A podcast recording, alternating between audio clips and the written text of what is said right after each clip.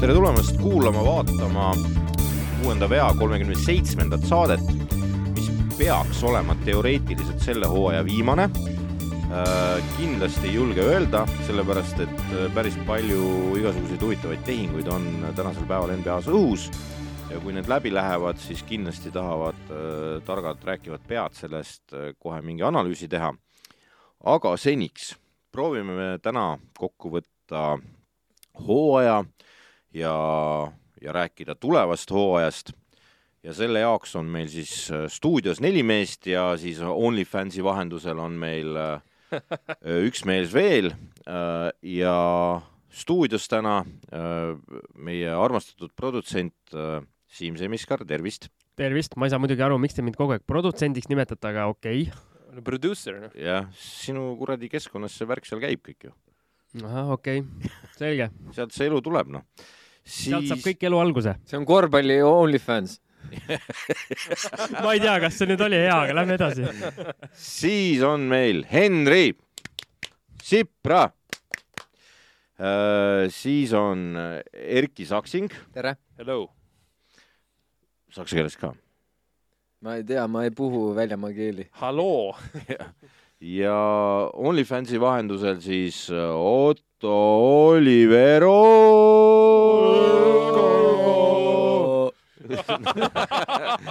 vaadake neid võimsaid biitsepsi või noh, vaadake neid kohti, kus peaks biitsepsid olema. Äh, mina olen Ardo Kalda nagu ikka ja. kes võitis siin tiitleid Leedust vahepeal?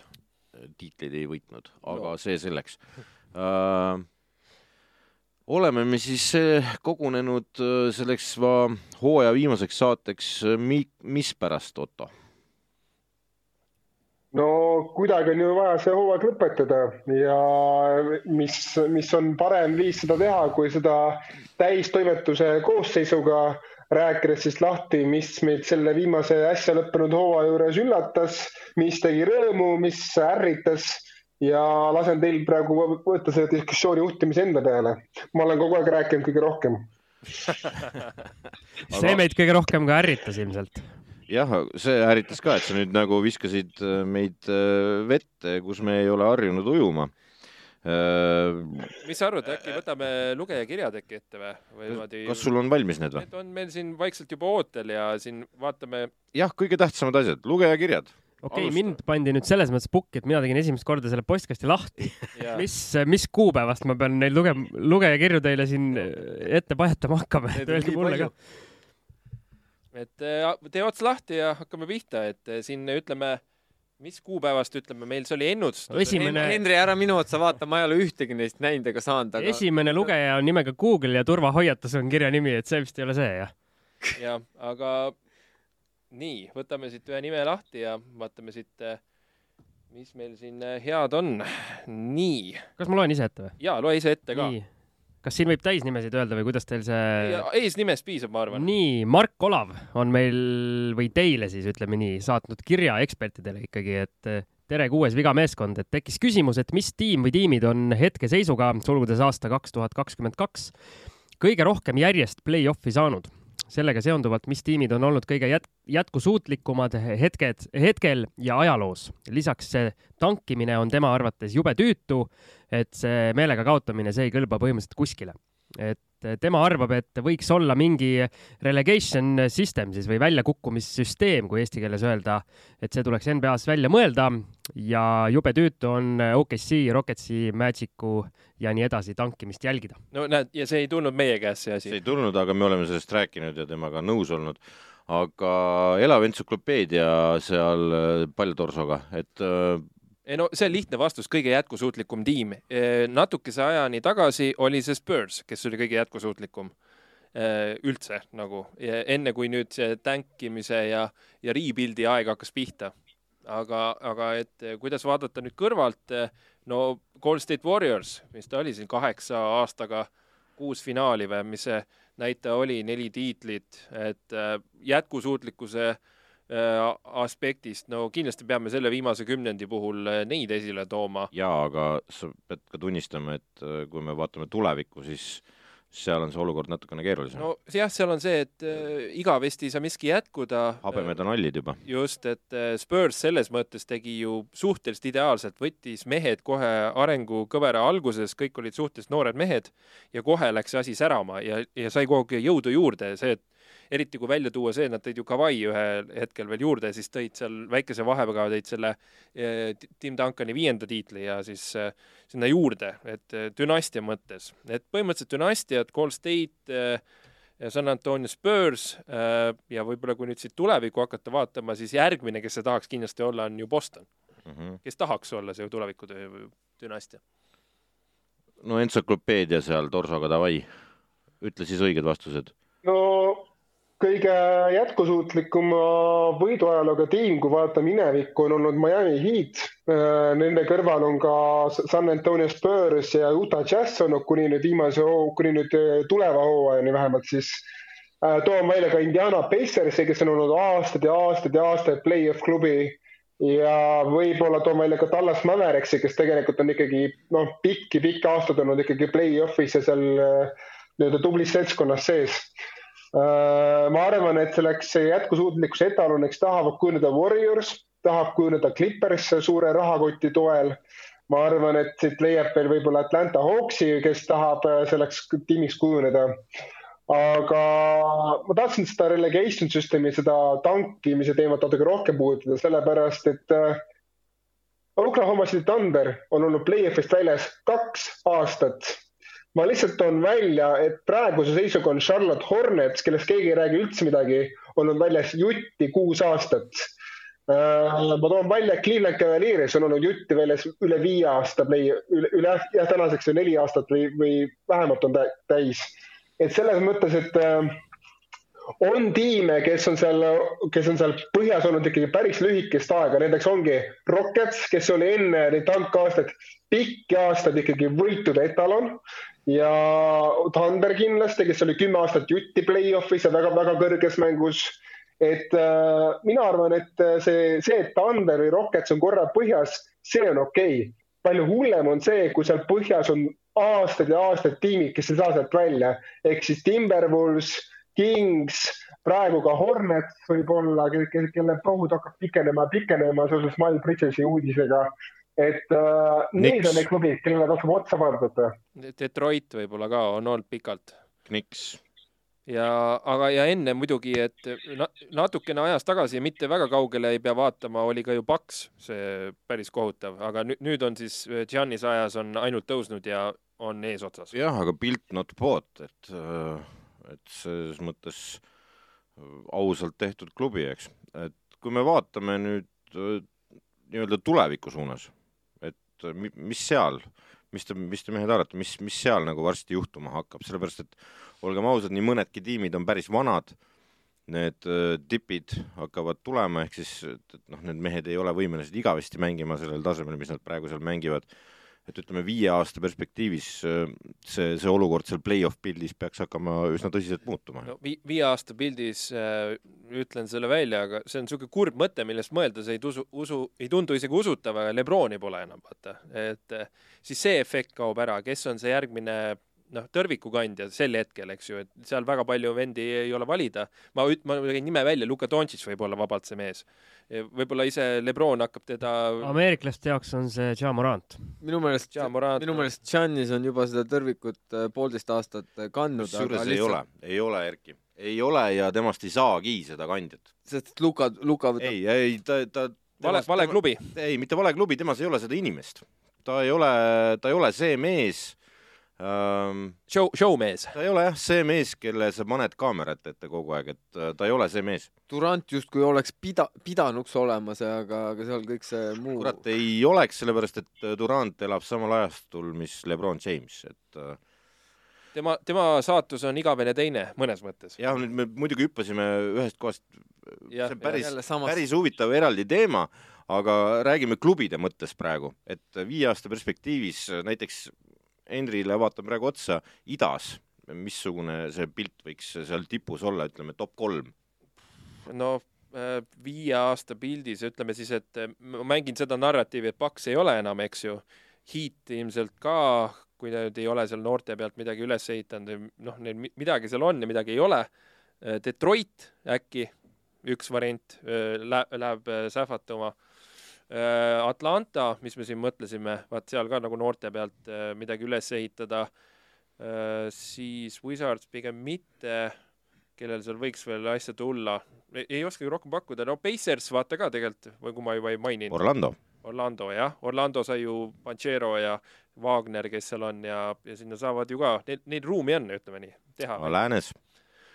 Läänes eh, etteotsa pürgija, Spurs tahab uuesti seal kindlasti olla aga kas ta nii ruttu jõuab, pigem on praegu perspektiiv ju läks pikemaks, kui nad möörisid no,. Nemad lähevad puhtalt Vemba jaama peale välja Vemba praegu. jaama peale ja siis, kui kiiresti viis aastat äh, ja siis, kes sinna ettepoole, no Memphis vabalt viie aasta pärast on veel endiselt tipus või ongi tol ongi, hetkel. Prime, prime time peaks olema. Nende prime time, et siis, kui selleks hetkeks ei ole midagi, siis on juba punt laiali saadetud, ma ütlen selle ka ära, et kui Memphis ei ole midagi, siis on see Utah Jazzi saatus neil kohe, aga mis seal rahade, rahade teema ja seal on ka ju Memphisel sama teema, et hakka jälle maksma kinni seda asja. Kas on omanikel seda pappi? Tallas. Tallas kindlasti, Luka. Suns. Suns. sest Pukker on noor veel Thund,. Thunder ja Rockets.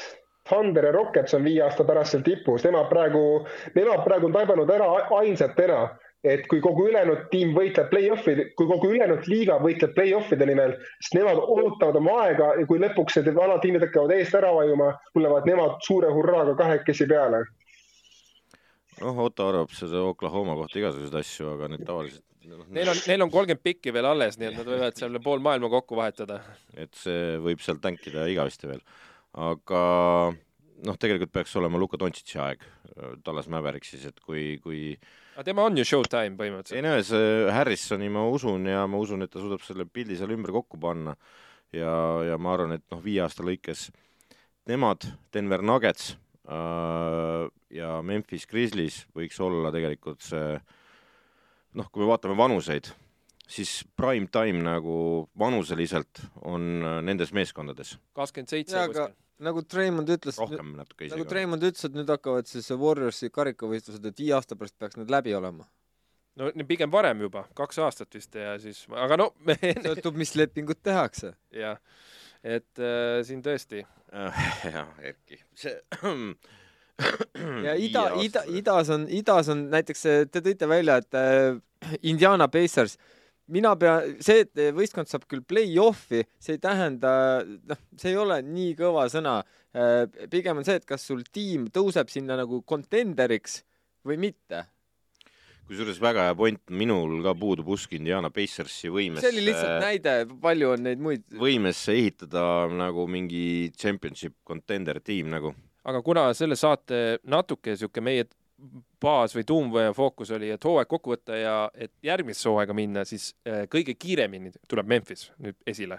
jah, seda selle tunnistas selle lu lugekirja point oli see, et äh, see Magic, Hornets ja see Rockets. Rockets ja, ja Thunder, et, et neid on nagu, ei ole meeldiv jälgida, aga tegelikult see on äh, trust the process, sama, mis tegi Philadelphia ja ja noh, Oklahoma on jah tuhat millest ei ole sealt mitte, mitte muhvigi tulnud praegu no nad said, nad käisid ida, idafinaalis käisid ära, et siin, kui tuuakse Portland ja ükskord läänefinaal, siis noh, põhimõtteliselt Philadelphia. Erki äh,, NBA on title or nothing no minu meelest on see üldse nii loll küsimus, mille üle nagu arutleda, sest me ju eelmises saates rääkisime nendest lepingutest ja asjadest ja eriti nii-öelda väikese turu klubidel kohati sind nii-öelda sa saad karistada selle eest, kui sa liiga heaks lähed. me mäletame, kuidas Thunder see superkolmik laiali läks põhimõtteliselt ei suudeta kõigile maksta, tekivad egoprobleemid. väikese turuklubi ei ole selline nagu Lakers või Knicks, kes nii-öelda tõmbab, tõmbab mehi. ei, Knicks ei tõmba mehi, usu okay, mind. Knicks tõmbab Bransoni-suguseid keskpäraseid kährikuid okay, okay, saja nelja miljoniga. see oli halb näide võib-olla, okei okay., aga no me räägime turust kui sellisest, eks, aga jah, väikeklubina sul tekib mingi aken ja kui seda ära ei kasuta, siis siis äh, sind lüüakse laiali või sa ise lähed laiali, see asi, asi kukub mingil määral kokku ja see viis aastat on isegi minu jaoks äh, selline nii-öelda ajahorisont, kus NBA-s minu meelest see on päris hea point. nii, nii keeruline ennustada. ütleme, okei okay,, Rocketsil on kehva seis, sest et nende omanik on Tillman, kes ei ole ennast praegu ühestki otsast näidanud hea omanikuna.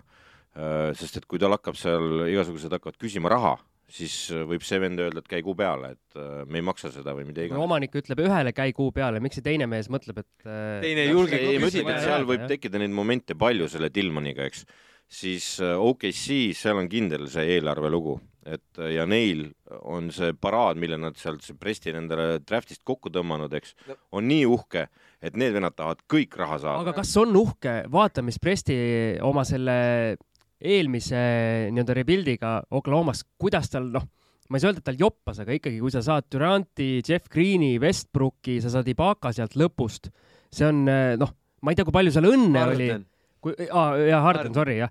kui palju seal õnne oli, kui palju tõesti see mees on ka nii-öelda drafti geenius. ja, ja, aga ma ütlengi, et aga need vennad tahavad raha saada kõik. Need vennad tahavad raha saada, aga, aga kas tal on üldse nüüd kokku võetud eh, nii-öelda samasuguse? ja, aga nüüd on tal kogemus, et äh, sa pead maksma ei, sest et kõik ma, palgad praegu tõusevad NBA-s. ma nüüd, ei, ma ütlen teile. aeg oli teine, ütleme see viis aastak NBA mõistes, viis aastaku plaani NBA mõistes pole mõtet teha, sest et äh, nii palju asju muutub äh, ma annan teile võluvõtme, ei saa tõmmata järjest Westbrooki, Hardenit, sa pead, sa pead võtma mõne rollimängija väga hea vahele, kellele sa maksad? kakskümmend miljonit. ja, ja, aga ta ei ole seda teinud praegu minu arust, et tal on äh, päris, päris karm line-up nagu no ja äh, seal... kui need vennad mängivad välja selle, mida neid kõigilt jaa, aga see on, see on selline line-up, et äh, seal on päris võimalik äh, ikkagi ka ajaloo ühed suurimad bastid äh, nii-öelda draftimas. juba tehti, juba tehti aga kui kõik läheb nii, nagu peab, eks ole, siis on kogu see algviisik nagu max contract'i küsija ja seda ei suuda ta hoida, eks. Ja seal kuskil vahel on Lou Dort, siuke mees lihtsalt. sellele, sellele anti ära ju pikendus. ei no. nii, anname Ottole ka vahepeal sõna. Otto vajub järjest madalamale. nibusid pole üldse enam näha ma tulen tagasi selle lugeja kirja nagu, mida lugeja küsis, ta küsis seda, et kas relegation system on võimalik minu arust NBA-s ja minu arust me oleme selle mõnes eelmises saates, ma üldse, ma ei pane pahaks, kui, kui see lugeja ei ole kuulanud mõnda eelmist saadet, aga ma lihtsalt ütlen, et see asi ei ole võimalik NBA rahalises süsteemis, et tuleb niisugune relegation system, sest mitte ükski omanik pole sellega nõus. ja NBA-s käivad asjad niimoodi, et omanikul peab olema konsensus ja vähemalt ülitugev nagu enamus. Otto, Otto, isegi... Otto, ennem kui sa siin edasi lähed, enne kui Red Bull siin vallandab, ma tahan öelda, et mitte omanikud kubernerid Governors. no jah, no jah, jah, see, see, see, see selleks, aga lihtsalt, et nagu relegation system kui selline on sisuliselt on see tänaseks ju G-liiga.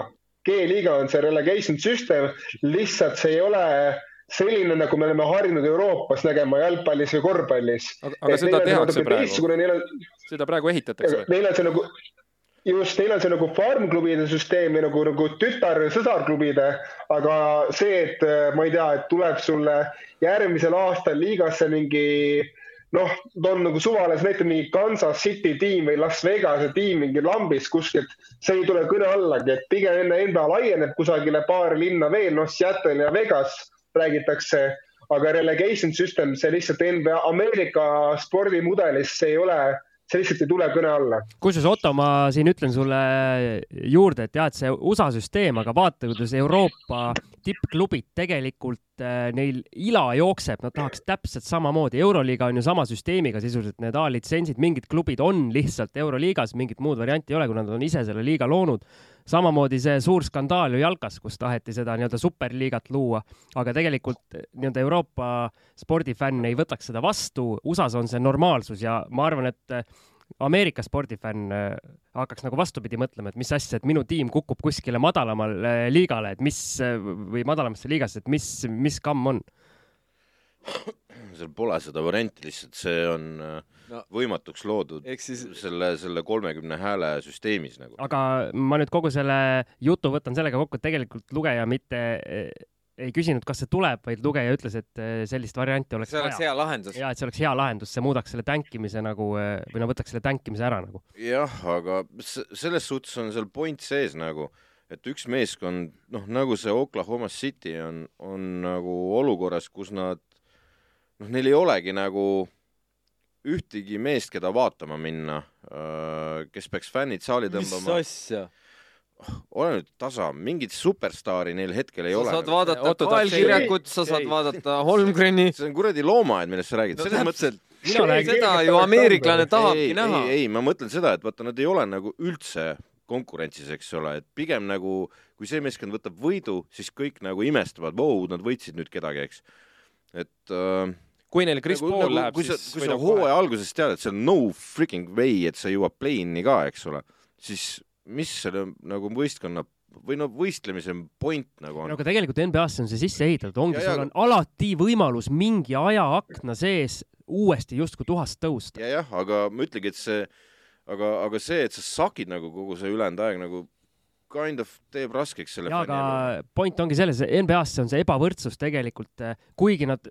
linnade suurusega sisse kirjutatud. üritatakse näidata, et kõigil on võrdsed võimalused, et äh, nii-öelda halb peaks saama järgmisel hooajal paremaks selle drafti süsteemiga või see on see point, eks, aga jah, nagu sa ütled, turud, see kliima, isegi kõik see et tegelikult loob selle ebavõrdsuse. noh, see on see nagu, nagu Lakersi taak, eks ole, et kõik eeldavad, et igal aastal on nad tiitliküsijad, eks. ja Otto, Otto Kiveleb. kuulge, ja mul on lihtsalt see teema, et äh, siin öeldakse, et ah, nõme, vaata, kuidas mingi klubi tangib, aga vabandust väga, kas, kas Hispaania või Saksamaa meistriliiga, kus pagana iga aasta on samad klubid eesotsas, iga aasta on samad tiimid seal, kurat, Itaalias on Olimpia Milano võitleb. El Clasico.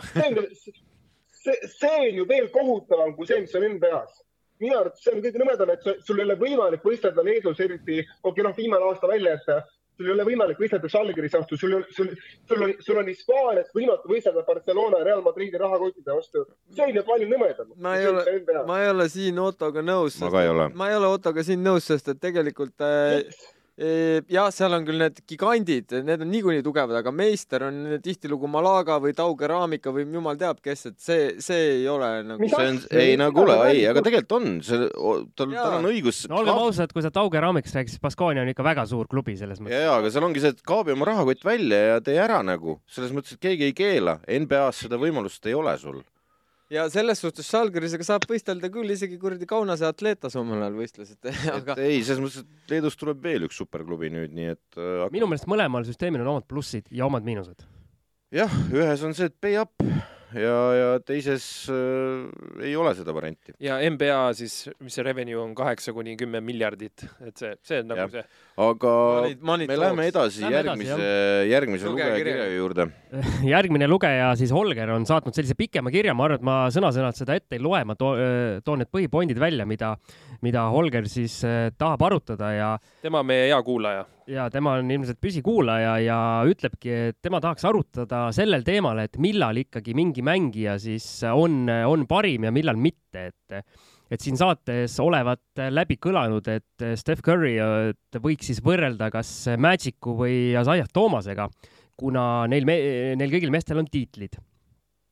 aga tema toob siis välja John Stocktoni pointi, et kas Jock-, kas Stockton on siis neist meestest nii-öelda viletsam kui, kui Stocktoni nii-öelda GM, general manager Jazzis äh, oli nii äh, kehv vend, et ei suutnud siis tiitli võitvat tiimi kokku panna, et kas Stocktoni teeb selline aspekt siis nagu kehvemaks mängijaks? tahab rääkida Erki kohe sellest. esiteks äh, äh, Asajah Toomas supermängija, aga teda ei saa ikkagi Curry ja Magic'uga samasse la lausesse panna. see on, see on nagu fakt. ma saan aru, siin saates on juba pandud, kus sa siis olid? ei no ma just, kuulake eelmist saadet, siis saate aru. selles suhtes, et äh, Magic ja Curry on nagu playmaker itest ikkagi üks ja kaks äh, üsna selgelt. ja Stockton võib äh, olla seal kolmas-neljas koos Siigiga, miks mitte. ühesõnaga, Holger siis ütleb, et tema arvates ei saaks Stocktonit mitte kuidagi panna üldsegi siis ma saan aru, all time point guard'ide hulgas top kolmest top viis kindlasti välja.. No seal on see asi, et äh, tuleb, lihtsalt tuleb laiali viia mängija headus ja edukus. Need on kaks eri asja. individuaalne mängija, see sõltub ju meeskonnast, et äh, Stocktonil Malone oli, aga seal ümberringi seal ju ka lülid. pohhu see Malone, Stockton on justkui mängujuhi stereotüüpne näide, ehk siis enim sööte, enim vaheltlõikeid nagu üks kõik, nagu üks mängujuht peab olema. lihtsalt, mis Stocktonil puudu jäi, oli see, et oli olemas üks kuradi MJ, kes võttis kaks tiitlit talt ära. no ja seal on ka see, et Kuigi- ta hea viskaja nii ei olnud ju tegelikult. ta oli väga korraliku ta viskaja oli. väga korralik. Väga kolmese, kolmese viskaja. pani kõike, oma aja kohta jaa. viskas väga hästi protsent ära unusta, et tema oli Dream Teami liige. ja, ja oli, va- oli. ma ei vaidle üldse vastu, lihtsalt selle viskaja aura sai natukene Orratsiks seal äh, Stockton- no oli kahe peal Jah. ja, ja tema, noh, Stocktoni töö ei olnud visata. Otto O- räägib oota, ma enne ütlen, mis Olger veel, kuidas ta lõpetab oma, mis peaks Otto ja kõik teid paika panema, et äh, Olgeri arvates siis põhimõtteliselt võiks näiteks number nelja positsioonil äh, öelda, et Robert Horry on äh, NBA ajaloo üks parimaid mehi äh, eriti siis võrreldes näiteks Karl Malone'i või Charles Barkley'ga, kellel siis äh, tiitleid ei ole ja Horril on neid teatavasti rohkem kui ühe käe sõrmi. no seal, seal on see rollimängija versus äh, starter, seal on see teema. ühesõnaga arutlege nüüd, noh kas, mängija headus sõltub sellest, kui palju tal tiitleid on? esiteks, mina olen juba minu arust pikemat aega seda trummi löönud, et äh, see sõrmuste kultuur, mis NBA-s on, see on üks kõige mürgisemaid asju NBA-s. See rikub ära, see rikub ära mäng, natuke seda liigat, sest mängijad hakkavadki ennast suruma tiimidesse, kus neil on parim võimalus võita seda sõrmust ja kui kogu see narratiiv hakkab keerama ümber sõrmuste, see, see sõrmuste äh, jutt on rikkunud ära Lebroni ja Jordani jutu natukene, ta on rikkunud ära kohati ka muude tiimide jutud. minu jaoks on see nagu hullult vale lähenemine, kui hakatakse sõrmuseid või, või, või tiitli võitmist omistama ühele või, või heal juhul kahele mehele, sest sõrmused võidavad tiim. et äh, võidavad kaheksa meest tavaliselt, kes sul ikkagi neid suuri, kes sul suuri minuteid tassivad. üheksa. ma olen, see, ma olen Ottoga sada kümme protsenti ma, ma olen Ottoga sada kümme protsenti nõus, aga vot siin ongi nüüd see koht, et kui sul on nagu ütleme, sa peadki valima nagu ütleme siis Magicu ja Curry vahel no oletame, et nagu kaks parimat mängujuhti läbi aegade, siis, siis saabki määravaks see, et kellel on äh, rohkem äh, võite ja kellel on rohkem finaalide MVP-sid või põhiturniiri MVP-sid, neil on neil üsna võrdsed. et siis, siis tu- ma ma-, olen nagu Ottoga nõus, et siis mingil hetkel, kui sa pead nagu, nagu kahe võrdse vahel valima, siis võib see sõrmus, see nii-öelda viimane nii-öelda kirss tordil olla, aga see ei saa olla see tegur, miks näiteks üks mängija ei ole kõigi aegade viie parima mängujuhi või tsentri hulgas. ma viskan nagu viska purgiga kedagi. ma viskan põhimõtteliselt väga suure hunniku mürki nüüd äh, ekraanile, ma loodan. äh, lauale tõenäoliselt heiti internetist enda pihta ja nii edasi. Steph Curry ei peaks olema mitte mingisuguses mängujuhi jutuajamises sees. tegu on läbi aegade parima viskajaga. mängu juhib selles korvpallimeeskonnas teine mees. mis nüüd juhtus siis?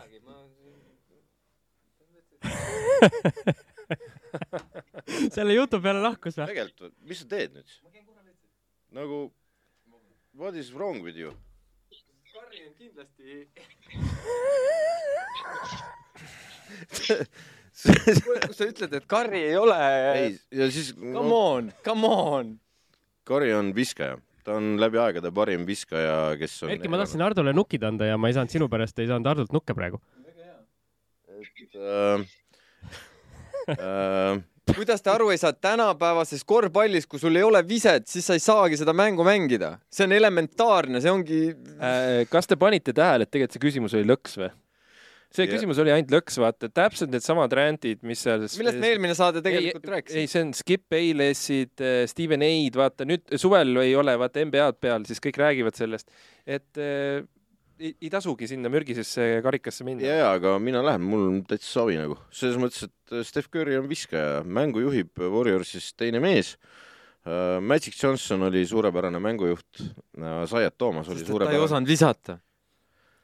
Zayat Toomas oli suurepärane mängujuht uh,, samuti läbi aegade üks parima handlers'i tüüpe nagu siis siis tuli John Stockton ja John Stockton on läbi aegade top kolm mängujuht uh, ja see on nagu mängujuht suure algustähega, tema juhtis mängu uh, edaspidi tagurpidi, tema juhatas selle palli sinna, kus see olema pidi, ta oli klassikaline playmaker. ma olen nõus, et äh, Hardo, kuule, kui me räägime Curry'st, siis Curry Hardo- ei ole mängujuht, vaid mees, kes on mänginud mängujuhi positsioonil. jah, ta on nagu, nagu positsioonitus korvpallis on tal äh, playmakeri äh, nimi taha pandud, aga ta tegelikult ei tee seda. Ta toob palli üle, see ei tähenda, kui sa palli üle tood, et sa oled mängujuht tegelikult. kurat, ta ei too kogu aeg palli ka üle.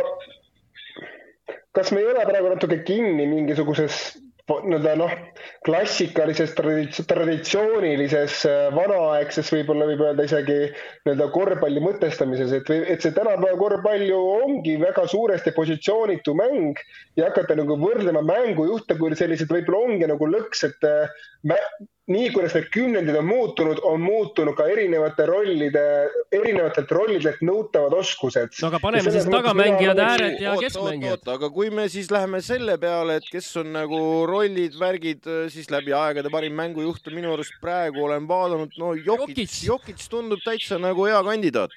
just, just, just, just, just. ja, ja siis, siis võtame ikkagi sealt äh, Curry ära ja anname Greenile ikkagi selle asja äkki. ja, aga ma, mul tekib, mul tekib kohe vastuküsimus, et kui Curry on kõige parem äh, viskaja sinu arvates, siis äh, kes on Jordan, Kobe, see on siis nagu, ta on siis parem viskaja kui need kaks või? nagu viskaja ta on parem viskaja kui ükskõik milline teine korvpallur, kes elanud on. mina mi.... Clay viskab ju veel parem. mina eristan, äh, üks asi on viskamine ja teine asi on skoorimine. Need on üsna erinevad äh, erinevad asjad, ehk siis mängija, kes on hea viskaja, ei pruugi olla hea skoorija ja vastupidi. Abdul Jabbar oli hea skoorija. ja ärgem unustagem, kuidas Steph Curry sureb neljandal tavaliselt, seal antakse pall Clay kätte kas me lähme edasi? Lähme, lähme edasi, see oli päris, päris huvitav teema. ütleme nii, et tõmbas teravaks küll korra. asi läheb veel mürgiliseks, asi läheb veel mürgiliseks. Erki hakkas niimoodi siin vetsu juba liduma. no mine nüüd. mul ei ole vaja sinna. häda läks üle. häda läks üle. kuule, come on. Come on, Simmo. Curry, Curry mängib NBA-d nagu sa mängid Playstationiga, noh. no siis sa ütled, ta ei ole. aga see ongi, ta skoorib sealt või viskab, noh, viskab. nii, lähme edasi ta juhib ilma pallita tegelikult mängu. ühesõnaga nii-öelda teemasse nüüd, äh, nüüd Curry jääb edasi ja kirjutab meile kirjasaatja Ander Markus, kas on ka püsikuulaja, tundub, et on. ja tema kiri on nagu megapikk. võta sealt äh, küsimused võta välja. ma võtan äh, põhiküsimuse välja meid ta tegelikult vastab ise umbes neljas lõigus kõik asjad ära, mida ta küsib või tähendab selle ühe asja, mis ta küsib, vastab järelikult teema on hea. teema on väga hea ja ühesõnaga väike taust ka, et tema hakkas NBA-d jälgima kaks tuhat viisteist pärast äh, Warriorsi võitu ta oli siis kolmeteistaastane ja ütles, et ta siis ei, nii-öelda ei tajunud neid, äh, neid NBA asju väga hästi, aga nüüd tajub rohkem. nii, see on väga oluline taustainfo. ja tema küsimus on see, et sel hetkel või sel ajal, kui tema on jälginud, siis tema ei ole aru saanud, miks Lebron Jamesi peetakse Steph Curry'st paremaks mängijaks, kuna Lebroni haip tema arvates või ta pigem siis nagu küsib teie kui ekspertide käest, et kas Lebroni haip on üle võlli, sest Steph Curry on sellel ajal, kui tema on liigat jälginud, olnud justkui edukam ja ja parem mängija. tohib, ma vastan sellele, et te tegelikult neid ei saa võrrelda Kobe'it, mitte Kobe'it, vaid Curry't ja Lebroni, see on noh, mõttetu võrdlus e,. aga põhimõte on selles, põhimõtteliselt on selles, et kui ta hakkas NBA-d vaatama kaks tuhat viisteist, siis ilmselgelt ei ole tegu bronsseksuaaliga ehk siis eh, need, kes eh, on nii-öelda Lebro, Lebroni usku, need on ikkagi hakanud NBA-d vaatama seal kaks tuhat viis, kaks tuhat viis ehk siis kümme aastat varem ja see seletab. kaks tuhat kolm isegi. nojah. ühesõnaga, kas sa tahad öelda, et tal jäi lihtsalt nii-öelda Lebroni see nii-öelda tõus Lebron ja see väga suur prime on jäänud, äh, jäänud lihtsalt vahele?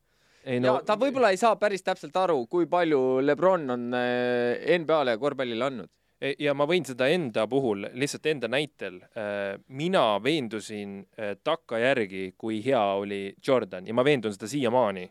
et kui üheksakümmend seitse ma nägin teda teles, ma vaatasin, et kuule, see on päris hea korvpallur. ja siis ma hakkasin ajas tagasi minema ja mida rohkem sa vaatasid ajas tagasi, seda rohkem süvenes see respekt ja arusaam, et siin on tegu nagu millegi, noh, sa lihtsalt kõrvalt vaatad, ei tule selliseid inimesi, ei ole olemas. et Curry puhul, no see ajaskaala et sa võtad see kaks tuhat viisteist või neliteist või mis see aasta oli, eks ju, et see oli sisuliselt keset eh, seda dünastia, Golden State'i dünastia kerkimist nagu see oligi esimene tiitel oli kaks tuhat viisteist. siis, kui see plahvatus toimus, siis Golden State ja kõik oli what the fuck, mis nüüd juhtus ja siis tuli see Duranti saaga otsa ja. kuule, Henri, mul on sulle küsimus, millal sa oma ajarännakutes jõuad lõpuks näiteks Jabarini või äh, ei, ma olen sealt ammu mööda läinud. sealt oled mööda läinud juba, jah? ja, ja, ja seitsmekümnendad, see kõik uh,, Will Chamberlain, jah ja,, Will ja, Chamberlain okay, ma räägin okay.. Chamberlain on kõva mees, tema peaks siin seinal olema no vot. nüüd saavad õiged mehed sõna. ja, ja. Ottal on nii tühi pilt. alustad või? okei okay,, äh, kui nad hakkasid vaatama aastal kaks tuhat viisteist korvpalli, siis sul jäid äh, märki, tõenäoliselt sul jäid vaatamata aastad kaks tuhat seitse kuni kaks tuhat neliteist, kui, kui Lebron mängis äh, natukene küpsema mehena juba, juba kui nagu oma esimestel aastatel NBA-s, natuke küpsema mehena Cavaliersis ja Heatis ja eriti just Miami's olid, olid oma, oma atleetlikkuse tippu, noh, seal kõige kõrgemal astmel. ja kui sa vaatad neid aastaid kaks tuhat seitse kuni kaks tuhat kolmteist ja vaatad ka hiljem, siis sa näed, et põhjus, miks ta Lebroni peetakse nii heaks, on see, et tal pole peaaegu mitte ühtegi nõrkust, välja arvatud see, et tal on vaba, vaba ise natuke nõrk. kõik muud asjad, mis tal on, on vähe, on, kas eliittasemel või ülisuurepärasel tasemel. seda play-off'is no,? seda play-off'is põhijooajal vahet, vahet pole, et. see on standard Ol. olümpial ka põhimõtteliselt, kui see üks, üks olümpia kõrvale jätta mees on teinud neli MVP-d, okei okay,, noh, see selleks, eks ole, aga ta sisuliselt ju domineeris terve kümnendi, terve kümnendi oma konverentsi aastates kaks tuhat üheksa kuni kaks tuhat, kuni aastani kaks tuhat üheksateist välja.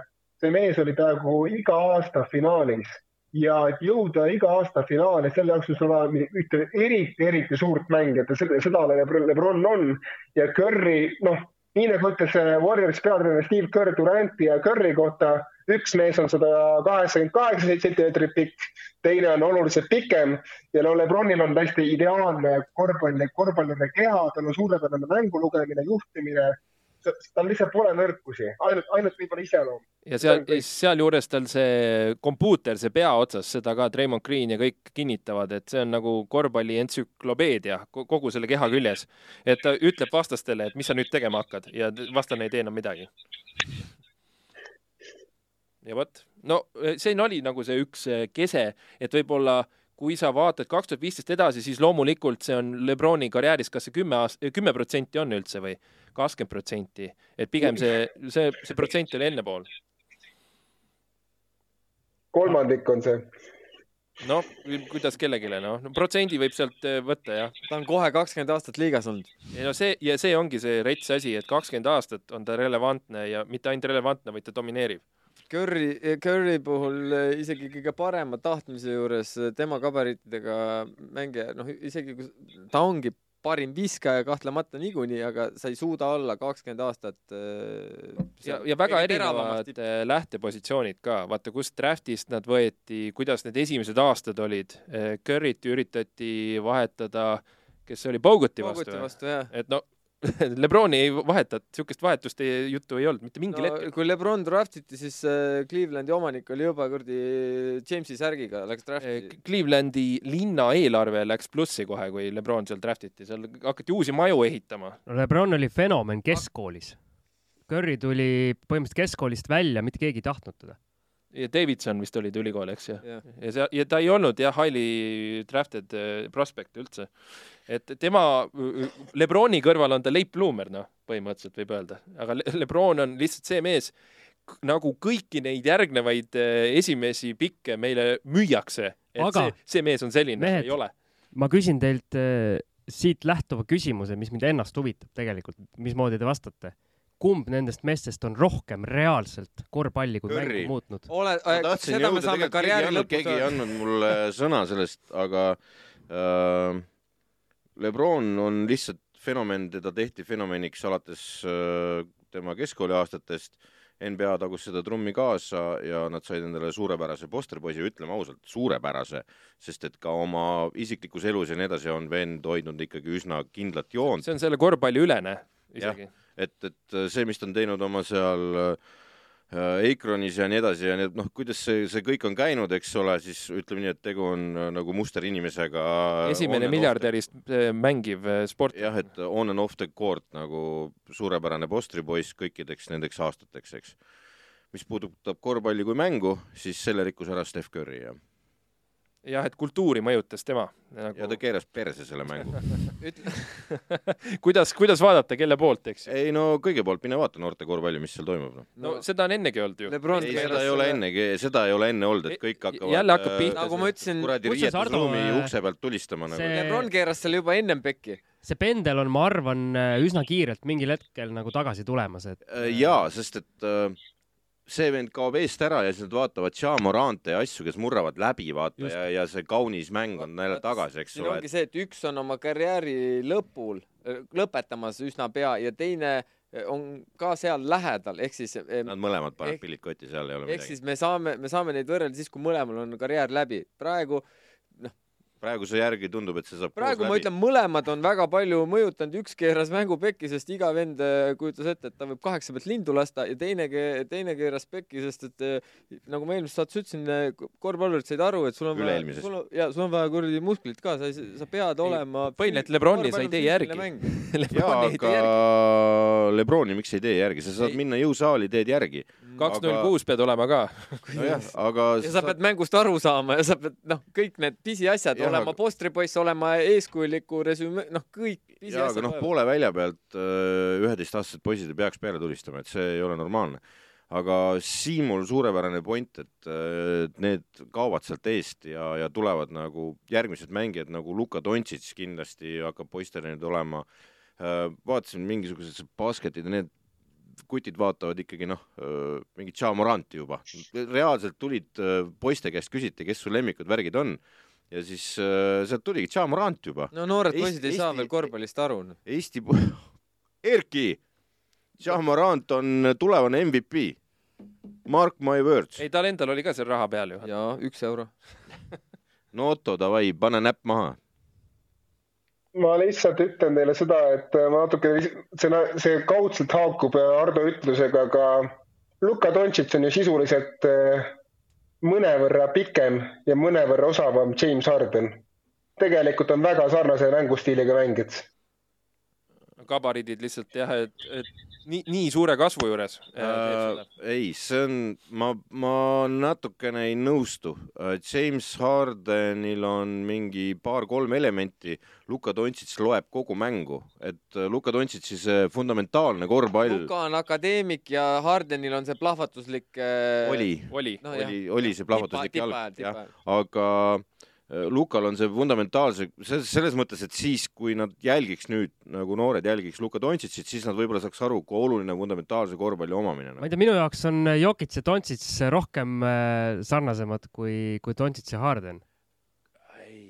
kui me suudame natuke sellest positsioonide erinevust nagu, erinevusest mööda vaadata. ja mõlemad on siukse kerge, kerge vatsaga. Dontšits põrgatab palli ikka oluliselt rohkem. ei no need asjad küll, aga, aga lihtsalt see, kuidas nad mängu mõjutavad nagu. Äh, sa mõtled nagu seda, et kui palju nad, kui palju pall käib nende käest läbi ja just, kui palju ja... nende play'd mõjutavad järgmisi play'sid. just. ja, ja, ja. kusjuures see, see, et kui palju, kui palju keegi midagi mõjutab, onju, siis huvitav on just see, et vaata. Morant ei mõjuta kui... midagi. ei selles mõttes oleks võinud ma... minna sinna poti peale jah, mine vetsu või kus sa tahtsid. Selles mõttes, et äh, ma just tahtsin jõuda selleni, mis sa ütlesid, on täiesti vale, sellepärast et äh, kui meie siin vaata räägime Dontsitsist ja fundamentaalsest korvpallist ja kogu maakera üritab nagu rääkida, siis sa lähed nende väikeste poiste käest küsima ja nad ei tea, neil on täiesti poogen sellest Dontsitsist, sellepärast et Chamorant paneb üle kõigi. vaata ta soengut ei, soengus ei ole, ta paneb üle kõigi tonki nagu, ta proovib Rudi Gobeeri postrile panna, Tontsits ei proovi seda kunagi. ja aga mingi hetk, eh, kui ikkagi needsamad noored poisid on kauem korvpalli mänginud ja nad hakkavad mingeid muid nüansse nagu tabama, siis, eh, siis see asi tuleb järele. ja, ja aga see on nagu praegusel hetkel onju, noh, need ei olnud mingid väga noored enam nagu selles mõttes noh, alla kümne või? ei, alla kümne ei olnud, ei olnud, ei olnud, nad olid mingi kolmteist, neliteist. enam mitte see generatsioon, kes Karri kombel sealt poole platsi pealt peale kütavad uh,? Need Curry, paar tükki ütlesid Curry seal midagi kuskil, aga muidu ikka Jamorant ja Zion Williamson ja, ja nii edasi, onju. no Zioni kehane pole kellelgi Luka Dontšitsit ei tulnud kuskilt üle hulte. meie siin äh, vanamehed lärisevad kuradi Facebookis, mitte Tiktokis, noh no mingis tulevases saates ma tuletan teile meelde, kui hea oli James Harden kui, kui hea oli Harden aastatel kaks tuhat viisteist kuni kaks tuhat üheksateist Rocketsi särgis? Ja kui palju, kui palju ta mängu mõjutas ja kui palju ta mängu mõjutas ründe poolele, kuidas ta tegi kõik oma ümber paremaks tegelikult. kui palju ta vabaviskejoonel aega veetis? Ja, ja kusjuures ka, ka Luka veedab seal väga palju aega, ma lihtsalt ütlen seda, et see, neil on, neil on sarnasusi rohkem, kui te tahate tunnistada, aga lihtsalt kuna Harden ei meeldi kellelegi, siis te lihtsalt ignoreerite seda võrdlust. ei ole, Harden ei tantsi seal äh lihtsalt okei okay,, see on täiesti eraldi vaidlus.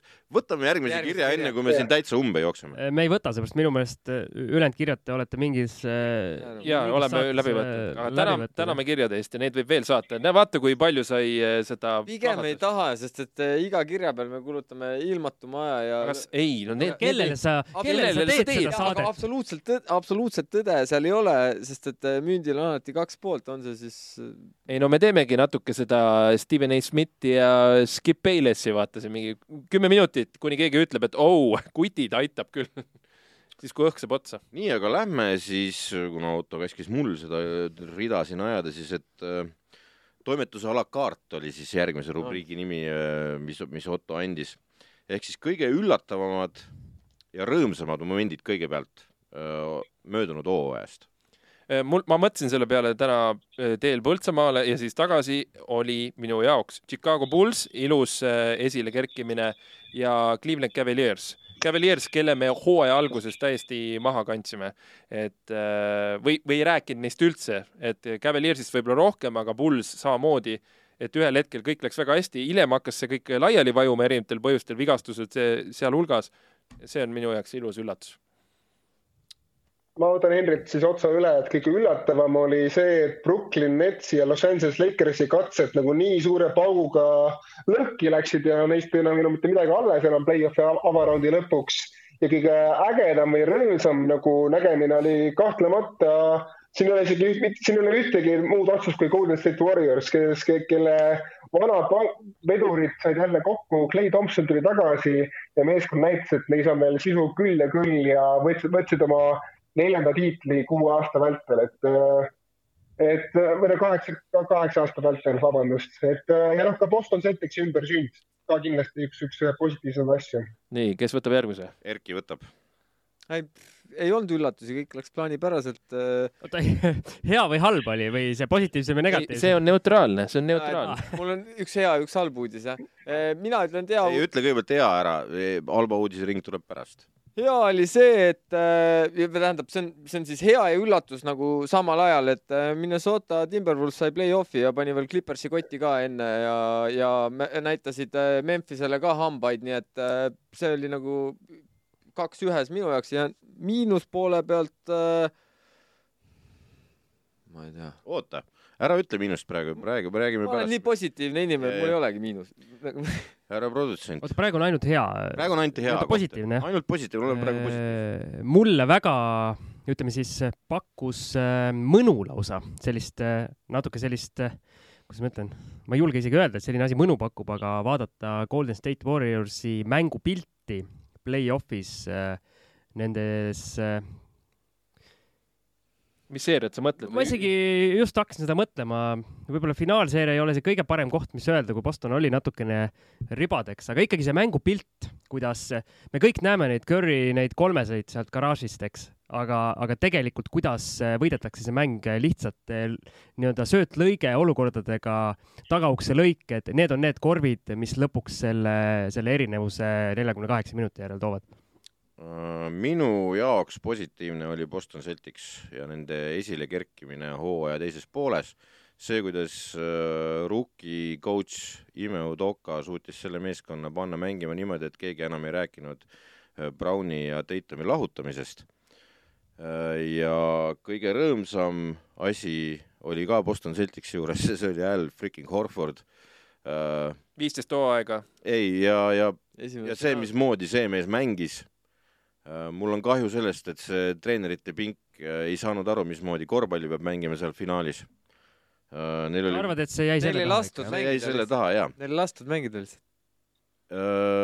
sa treenerina mängid mängijatele viskekohad kätte. Nemad seda ei suutnud teha, aga kõige rõõmsam hetk oli see, kui Al Horford pandi postrile ja siis läks Al Horford ja pani äh, maailma parima korvpalluri ehk siis Janis Antetokounmpo lihtsalt postrile pikali maha ja siis tegi fleksi ja sai väga rõõm, kõige rõõmsama inimesena tehnilise selle eest. ma lihtsalt vaatasin ja röökisin rõõmust, see, see oli nagu, nagu vana mees tahab koju film nagu, kurat, kui see, see oli nagu minu jaoks aasta moment, kui see pauk ära käis nagu, et mul oli no tegelikult ka nagu, tegelikult ka vä ja see, see oli nagu super nii, aga mis nagu masendav on? no masendava ütles ära, et sellest ei tahagi rääkida, on see äh, Lakersi ja Netsi see saaga, et ma, ma vist võt, panengi ühe nagu kaabu alla, et nad nii dysfunction'it ja seda teemat, et nüüd Lakers juba näeb hea välja selle Netsi kõrval, aga hetk tagasi oli Lakers see, keda sa vaatasid. et sa ei taha isegi selle peale mõelda, sest sa hakkad isegi tehniliselt vaatama, mis see rahaline võimalus on, kes peaks kelle vastu vahetama, seal oleks pidanud ju Walli või Westbrooki vahetama, mida iganes. sa lihtsalt ei taha sellega tegeleda, see on masendav, negatiivne. kumb? Sa, sina oled positiivne inimene, sina ole vait või mine vett. noh, Otto, ütle midagi masendavat. ta ütles ära, ta ütles selle no, Brooklyni. ei no ma ütlen, see oli kõige üllatavam, aga kõige masendavam on kaks asja, et äh, esiteks see, et sa kuuled ju fännina iga, iga aasta mingisuguseid äh, eelarvamusi ja hoiakuid oma lemmiktiimide kohta ja ja eks ma olen kuulnud neid hoiakuid Utah Jazzi, et nemad ei võida mitte ühtegi tiitlit ja, ja pigem lammutatakse asja laiali ja see ja noh, mida, mida, mida kuu edasi läks, seda rohkem ma sain aru ka nagu oma lemmiktiimi fännina, et pigem nagu läheb see lammutamise suunas, sest äh, seal tiimis nagu sai usaldus omavahel otsa ja, ja seal nagu läksid ikkagi suusad, suusad risti mängida ka endil. ja teine asi, ma arvan, mitte ühelegi korvpallifännile ei meeldi näha oma lemmikmängija äh, järk-järgulist äh, taseme, taseme langemist. ma räägin siin Russell Westbrookist ja ma et sa Lakersis ei ole ma arvasin, et sa rääkisid Joe Inglesist. mida roosam kleits, seda vanem eit. et, äh, et selles mõttes, et ma, ma loodan, et Westbrook, äh, ma loodan, et Westbrook saab endale uue kodu. uue kleidi. uue kodu ja. mida vanem eit, seda roosam kleit, niipidi on see väljend nii, nüüd peame vist järgmise teema peale minema. ma pean ka midagi ütlema. aa, ne ütle midagi negatiivset. ma rändin siis natuke. mul on ka negatiivne ütlema. no ütle ära. okei okay,, minu jaoks, ma lähen natuke teist teed. mina lähen äh, sellist teed, et mind äh, hullult häirib ja minu meelest on see täielik blamaaž, mis toimub USA spordimeedias just selles vaates, et kuidas saavad leheruumi ja raadioeetrit äh, tiimid, kes seda tegelikult üldse ei vääri hooaja alguses on, äh, võetakse mingid mehed või see ei ole isegi hooaja algus, see on nii-öelda kuidagi aastatega, aastatega kujunenud, kellest räägitakse, kellest ei räägita ja nendest tiimidest või meestest räägitakse kuni nende surmani, ükskõik, kas nad mängivad äh, põhimõtteliselt kirstus olles seda mängu, kas nad üldse veel midagi suudavad teha või mitte.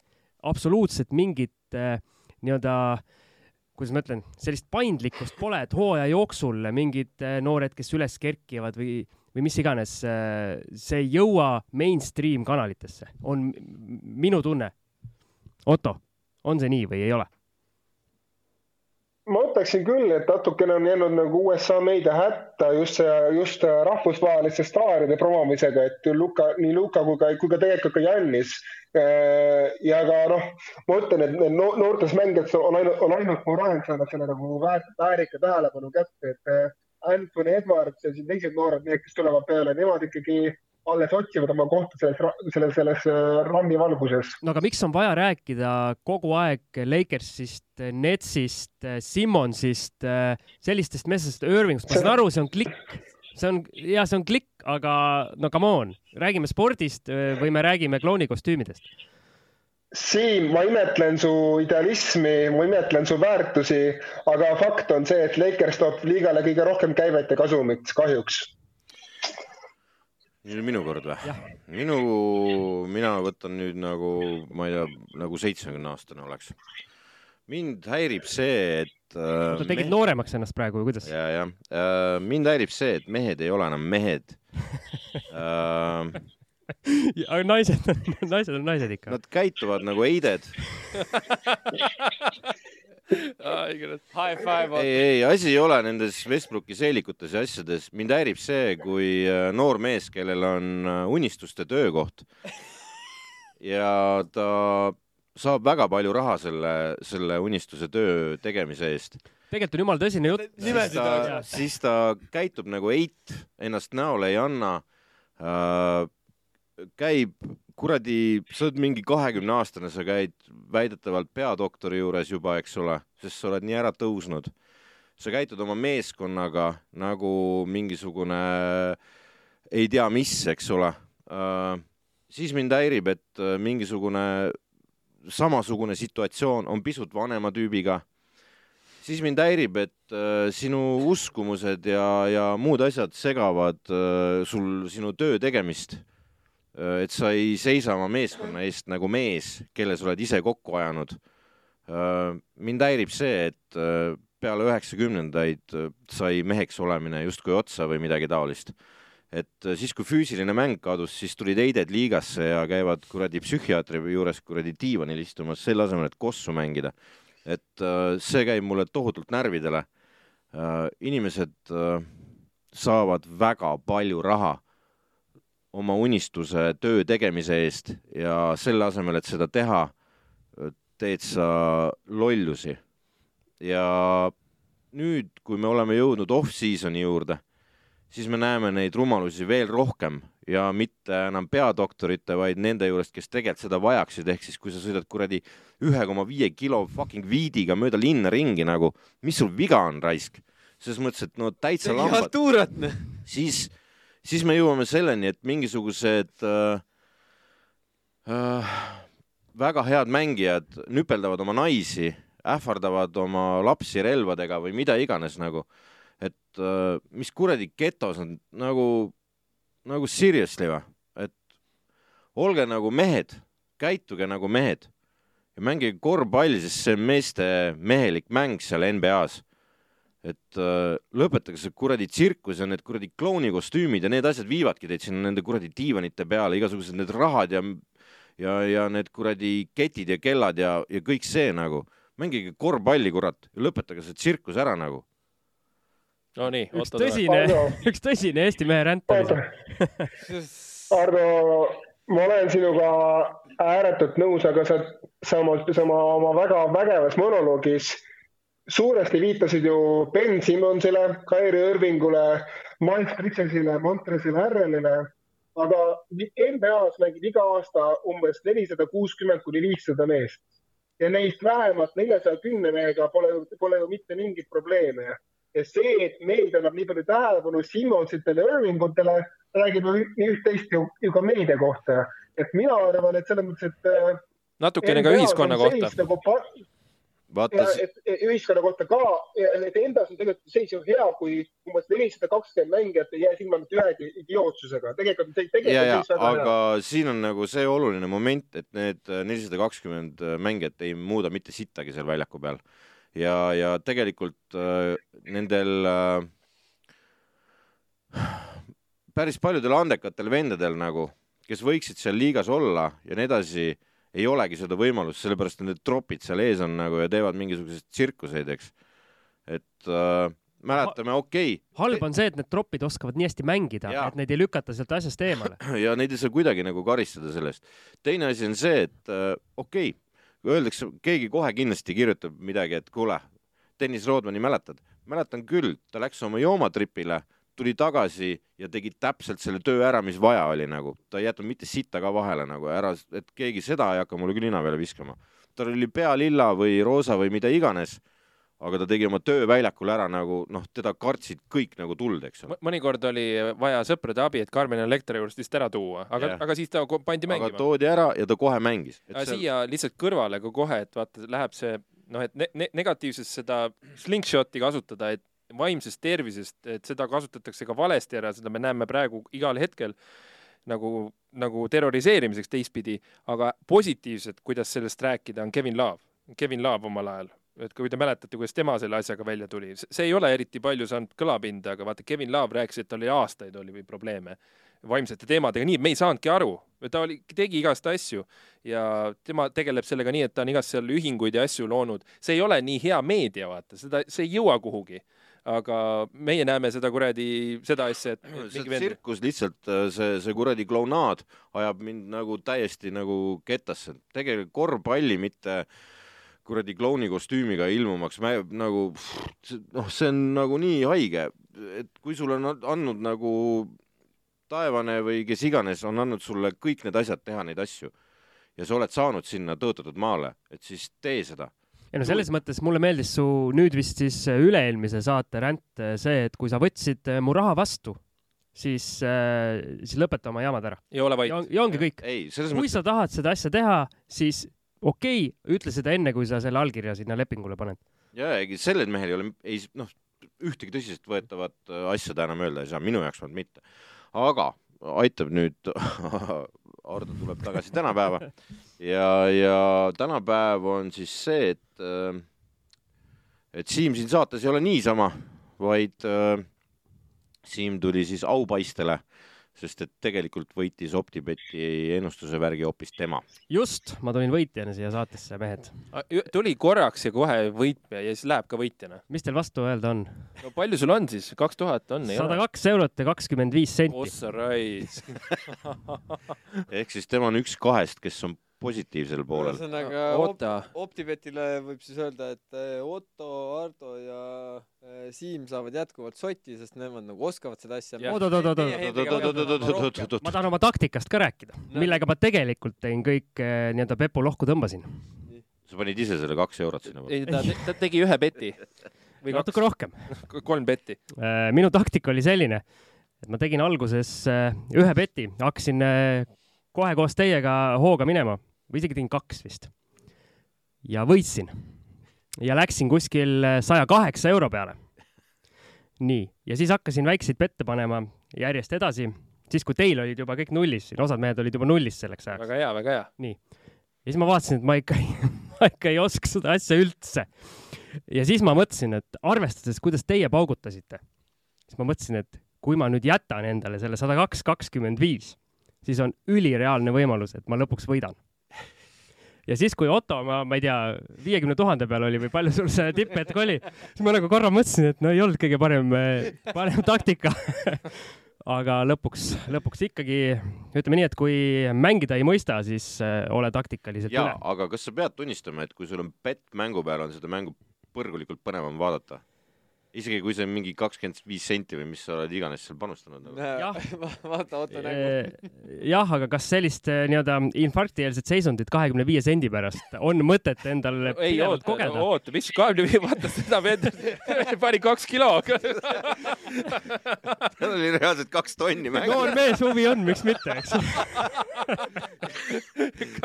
mõtle, viska sisse jaa, aga reaalselt nagu mida me, ma ei mõelnudki selle, ma pole selles võtmes enne mõelnud, nagu Otto vaatas mingit mängu, tal oli kaks kilo mängu nagu see. viska sisse.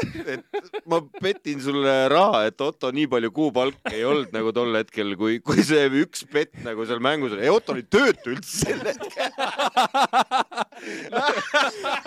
no aga siis on selge, et kui töö hakkab, siis ongi nagu Erk mõtles, et kui töö hakkab korvpalli segama, siis tuleb koolist ära tulla. ehk siis kui töö, kui ennustamine hakkab tööd segama, siis tuleb töölt ära tulla. ma arvan, siin peaks keegi Delfile tippi viskama, et äh, töötu mees äh, panustas kaks tonni sisuturunduslugu, sisuturunduslugu jaa, see oli võimas praegu. ei, see oli väga hea mis saab Optibeti rahast edasi, me tänasel hetkel veel ei oska öelda. sest mina saatsin Optibetile vastavasisulise küsimuse, aga kõik on kuskil rannas ilmselt ja vastust ei ole tulnud. aga me teeme sellest äkki ka korvpalli kakskümmend neli, teeme mingi uudise väikse või? tasuta uudise seekord ja, ja, sest uudiseid ju väga ei ole ja. uudised ei ole jah, uudised ongi tasuta ja mis sealt kokku tuleb, meil tuleb vist eh, kahesaja viiekümne ja kolmesaja vahel vist on see summa tuleb. ei no meie pealt. ei, ei oota, oota, oota nüüd kõigepealt tasa, tasa, et enne kui te siin midagi jagate, ootame ära Optibeti vastuse, sellepärast et olgem ausad, me oleme miinuses. Et pundina me oleme miinuses. võib-olla peame peale maksma nii et Otto, Otto, oled sa töö leidnud vahepeal? Otto, Otto käest küsitakse kaks tonni tagasi no lähme siis nõusid pesema või midagi no.. jah, aga äh, lähme mitte nõusid pesema, lähme, lähme uue teema juurde mida, mida te ootate tulevalt NBA hooajalt? jätame selle off-season'i vahele, hakkame sügisest pihta. Et äh, hakkad vaatama seda, mida sa ootad sellest? Optibetiga seoses siis? ei, ei, ei, see ei ole optiga, see on lihtsalt NBA-ga seoses. mida sa näha tahad? ma alustan kohe no.. ma alustan kohe, nimelt juba praegu on see vist G-liigas on see reegel tehtud ja see tuleb vist kohe ka NBA-sse, on siis see, et kaob ära, kaob ära NBA-st take foul. ehk siis, kui tehakse, kui tehakse kiirrünnakutel viga ja tehakse lihtsalt, minnakse noh no, tehakse lihtsalt, minnakse, võetakse käest kinni, mis iganes, siis nüüd saab, nüüd on niimoodi, et see, kes teeb vea siis äh, kiirrünnakul olev, olev tiim saab vaba, vaba visket ja palli tagasi, mis tähendab seda, et me näeme palju lahtisemat mängu ja palju lah- ja palju rohkem pealtpanekuid, nii et mina ootan seda, et näha, kuidas see reegel siis, äh, kuidas see reegel vastu peab kohtunike vilele see võib huvitav olla, sest et vaata, sellel hooajal oli ka ju juba muudatusi selle ründaja vea otsimisega. et see ju Hardeni efekti kohe kaotas ära alguses. et ma olen võib-olla natuke, ma ei tea, kas see loeb äh, Ardo reeglite järgi või mitte, aga mind äh, huvitab äh, uuel hooajal vast kõige enam see, mis hetkel hakatakse tulevastes nendes mock draftides või drafti eelsetes ennustustes kuskile sisse panema Henri Veesaare nime? Ma kusjuures ütleks seda, et äh, ärgem unustagem, et äh, selle aasta sees äh, selle aasta drafti eel olid juba eestlaste nimed seal sees ja soovitusena lausa, aga noh, ei lähe, üks võttis ennast maha ja teine ei saanud ligi, eks. ei, teine, teine, kes sees oli, kumbagi tegelikult ei olnud draftis sees lõpuks enam, kelle nimesid nagu räägiti ja räägiti siis Kriisast ja räägiti äh, Tassist. ja mõlemad ESPN äh, pakkus äh, variandina võtta ära draftist aga noh, Kriisa jäi selgelt ülikooli, eks ole, ja, ja Tass otsustas üldse taktikalistel kaalutlustel oma nime maha võtta. See on päris hea point, mul on lihtsalt see mõte, ma ei tea, sina tead sellest, Siim, kindlasti rohkem, et kas Veesaare taktika ongi nagu one year stop või? nii palju, kui mina olen aru saanud, äh, et äh, siis ei. et okay. eeldatakse vähemalt, vähemalt ütleme siis ta on kaheksateist, jah? ütleme, treenerid eeldavad, et ta ei ole ikkagi ühe aastaga valmis, just kehaliselt mm. ja, ja ta ise, nii palju kui mina olen temaga suhelnud ütlebki, et tema üks põhjustest sinna USA-sse minna on ka see, et just hea, hea pudru peale. aga see, et sa ei ole kehaliselt peale. valmis, see ei tähenda, et sind draft'is see ei pruugi tähendada, jaa, jaa. aga vaata, see on niimoodi, et kui sa oled seal, ma ei tea, top kolm, top viis, äh, isegi loteri, sa saad igal juhul sinna raha peale ja heasse võistkonda sind hakatakse arendama. aga kui sa oled seal äh, esimese ringi lõpus, äh, veel hullem, teises ringis lähed oma selle nii-öelda kleenukese no, kehaga no,. No, sa ei saa kuskile arendama, sa pead hakkama võitlema endaga. ühesõnaga, kui Holmgren oleks teises ringis valitud, siis ta oleks kolme aasta pärast liigast väljas ju ei no see, ei, see pole see, see narratiiv, mida sealt võtta, aga lihtsalt, et võimalikult hea rada endale ette panna, on see point nagu. mugav ja sobiv. no ja, et seal, seal on õnne on ka mängus, sõna otseses mõttes, et kas sa satud eh, oma oskuste juures õigesse klubisse, kus sa saad neid välja arendada ja kes sul ees on, kui sa satud, eh, noh, ma, ma ei tea, Veesaare näidet ei taha tuua, aga no lihtsalt, et sul on mingi superstaar ees sinu punkt, nagu seal pointil, sa ei saa kümme aastat ligi sinna, noh. no seal on see teema ka, et äh ma sain aru, et natuke nad lootsid, et see leedukas, mis ta on, Tubelis, et ja. see läheb drafti sel hooajal, mitte siis äh, sealt tsentrist, äh, see Coloco Arizonast. ehk siis äh, see natukene lõi vist plaanid sassi just esimese hooaja, hooaja mõttes, et äh, ikkagi Tubelis on äh, üsna tema positsiooni mees. okei okay,, no tegelikkus on ju see, et äh, ütleme, et see kool, kust ta tuleb, on kuulus, eks ja ma usun, et seal on silm juba ammu peal ja, ja tahtjate nimekiri on ka juba kirjas. ja see treener äh, tahab äh, nii-öelda FIBA kooliga või siis mitte ainult Euroopa, vaid ka siis Okeaania ja neid mängijaid, et äh, see on see trump. okei okay. ähm,. sina ütlesid, sina? pea on täitsa tühi ma ei, ma ei mõtle, ma juba, vot see ei ole ma üllatus. ma juba, ma, ma juba mõtlesin seda, ma tõ- hakkasin mõtlema, ma hakkasin mõtlema seda äh, Veesaare ja Holmgreni paralleeli, et äkki siis tema on esimene valik. ei no mis sa sellest Holmgrenist, kuidas see praegu haakub siia? ei, noh, kaks kahekirjakut Oklahomas, tore vaadata. Äh, selles mõttes ma tõmban muidugi sulle vee peale, et järgmise hooaja esimene valik on Vemba-Jaama, et äh, seal ei ole kahtlust nagu järgmine, ütleme, et see oligi, millest me rääkinud oleme. point on selles, sa siin ütlesid Holmgreni kohta, et kui ta oleks teise ringi valik, siis ta oleks liigast väljas, aga siis ta oleks edasi ülikoolis praegu. see, see on see point, et sa oled ülikoolis nii kaua, kuni äh, sa oled valmis mängija või kui sa oled nii suur äh, sa oled va-, kui, kuni klubi on valmis sinusse sada protsenti ja, või kui sa oled nii suur talent, ehk siis äh, sa võid praegu olla piitsavars, üldse mitte suuta mängida, aga kui klubi näeb, et äh, nemad äh, sind arendades äh, kahe-kolme aastaga teevad sinust äh, superstaari, on valmis selle eest kõrge draft piki ehk siis kindlad dollarid lauda laduma, et siis sa lähed sinna drafti. mina saan aru, see on see loogika. jah. parandage, kui ma eksin. ei no see on see tee. no no okei, olgem ausad, nad ütlesid- ütlesid... räägivad tegelikult äh, teatud uste taga üsna palju omavahel ja, ja noh, nad vaata ei tohi agenti endale võtta ülikooli ajal, eks. nüüd vist tohib. nüüd on see mingid uued reeglid, need äh, mingil määral tohib äh, vist agent sind esindada, nüüd on see mingi äh, oma nime ja näo äh, mingi esindamine või okei okay,, seal on, seal on nagu see, et nad noh, seal jutuajamised taustal käivad, kuskil keegi teab ja, ja kutid on, ma arvan, suhteliselt selgelt informeeritud, kui kaugele draft'i nad kukuvad. et kas äh, mingi meeskond ütleb ära, et we'll take it, tehke oma asjad korda seal, tataratatara, pange ta sinna ja selle, selle ajavahemiku jooksul ta läheb ära. et äh, siis sel juhul ma panen oma nime üles seal on see ka, et kui mingi nii-öelda ütleme, San Anto-, San Antonio Spurs ütleb sulle, davai, me võtame su esimese ringi lõpus, siis see noh, arvestades seda klubi, seda kultuuri, see on garant, et okei okay,, ma võtan selle riski, ma lähen juba. aga kui mingi mürgine tiim ütleb, ütleb sellesama asja, siis nii-öelda üks asi ei võrdu teisega nagu. nojah, oleneb, kus sa seal olla tahad, eks, et äh, kui sinu eesmärk on olla nagu loteri vend, eks, siis, siis sa jah, tõenäoliselt oled seal pikemalt, aga noh, mida iganes. see on nende elu ja, ja aga ma arvan, see on teema, mida Eestis, Eestis saab hakata järgmistel hooaegadel rääkima ja seda ongi Ja- vaja rääkima hakata, me just. ootame seda nii kaua, et neid jutte räägitakse. kurat, kui me siin juba oleme, ma küsin ühe asja nagu panen kohe nagu näpu nabasse, tahan ühte asja veel küsida siis juba, kui me selles samas teemas oleme. kas Kriisa läheb ka NBA-sse? Mul puudub, mul pole mingit eh, ma teadmist. ei küsinud seda sinu. käest. noh, küsime siis Siimu käest. spetsialist vastab nüüd. öö, kas ta läheb NBA-sse või ta, kas ta kas võetakse ta, kas ta pääseb NBA-sse kas ta pääseb NBA-sse? kas ta tahab üldse? ma arvan, et ta saab selle võimaluse. selles mõttes, et äh, ta võetakse draftist ära.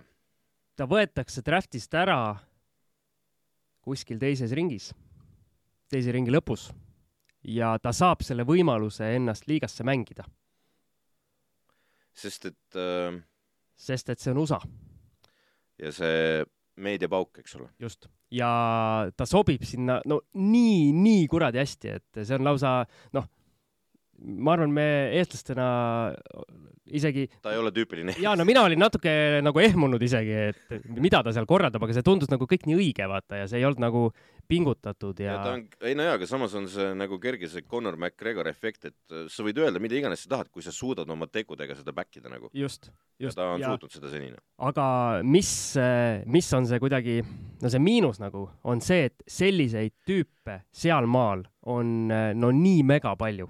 see tagamängijate hordid, mis seal on, sest no vaata, kui palju juba Euroopasse tuleb igal aastal neid ülikooli lõpetanud mehi, kellel ei ole mingit võimalust NBA-sse saada ja siin tulevad, mängivad ennast pildile, mõni muidugi läheb kohe sinna mingi Burger Kingi neid kotlette pöörama, aga see selleks, ühesõnaga see tagamängijate turg on mega, mega, mega tihe. et selles mõttes pikkadel, kui me räägime Veesaarest, me räägime isegi Tassist, neil on, või isegi ma arvan, mingil hetkel tekib ka Kotsari nimi sinna, sinna ringidesse, kes saab, saab võib-olla võimaluse. no ma ei usu, et see sõna võib-olla on sa arvad, et saab? viimase nime juures nagu selles mõttes, et no kurat, no kui keegi peab saama, siis peab tema saama nagu, et sest pikkadel on see, võimalus oluliselt lihtsam. jah, lihtsalt tema see rassiv stiil võib-olla ei ole päris, ta on nagu sobib siia nagu rusikas silmaauku, aga seal võib-olla oodatakse midagi muud.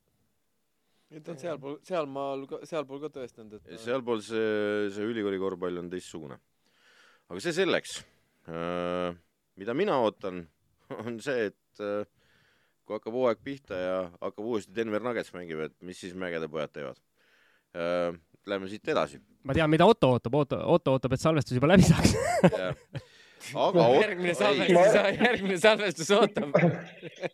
Ma lihtsalt ütlen ära veel ühe asja, et äh, ma tegelikult, ma tean, et võib-olla see on nõme, sest see mees on ise keeranud oma olukorra tuksi, aga ma mingi väike poiss minu sees, mingi poisi hing ütleb, et ma tegelikult loodan, et Durand leiab kas siis mingisuguse klubi või mingisuguse koha, kus ta, kus ta tunneb, et ta saab olla õnnelik ja ta ei pea otsima rohelisemat muru kuskil mujal.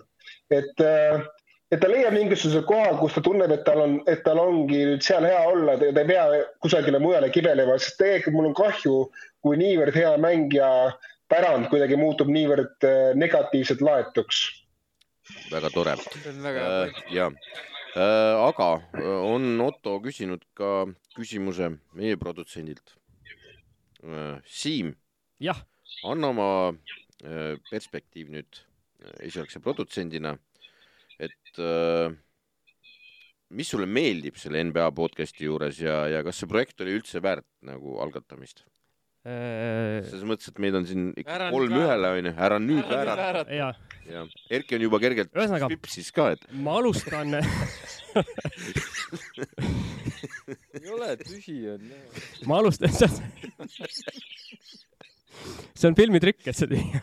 ühesõnaga, ma alustan lõpust. see ei ole filmitrikk, selles mõttes, see kõik kadus sinna kehasse nagu sipstina. ma alustan lõpust. Oota, mis see küsimus oli?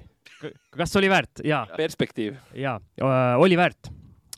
asi läks oluliselt paremini, kui ma alguses lootsin või ootasin.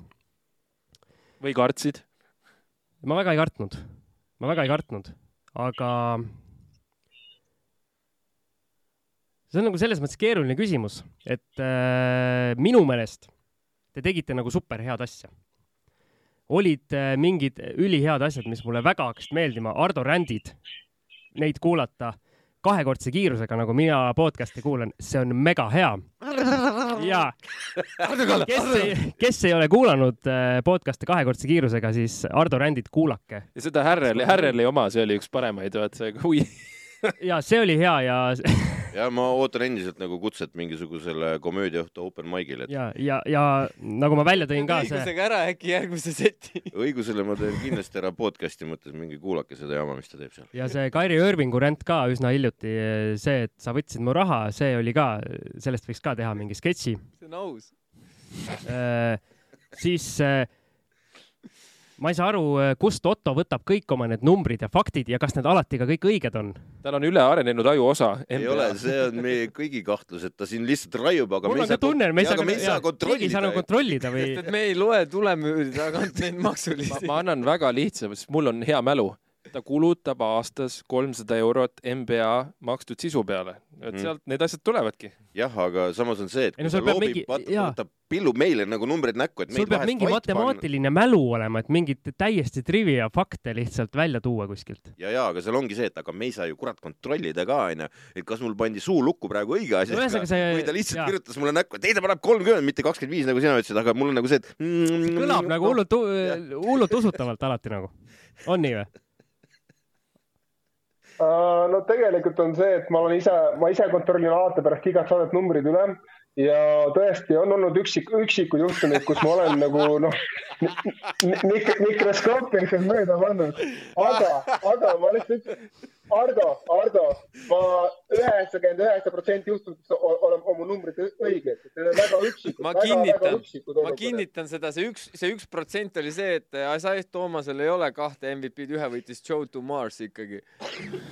ülejäänud kõik sul on õige edaspidi ma lihtsalt ei usu, kui sa midagi ütled no.. ja nüüd, nüüd, nüüd on, nüüd on kõik rikutud, eh? ei, ärge okay., ärge laske ennast mõjutada. nii, mis mulle väga meeldib, on äh, Erki ja Ardo vaheline keemia, mis on tekkinud.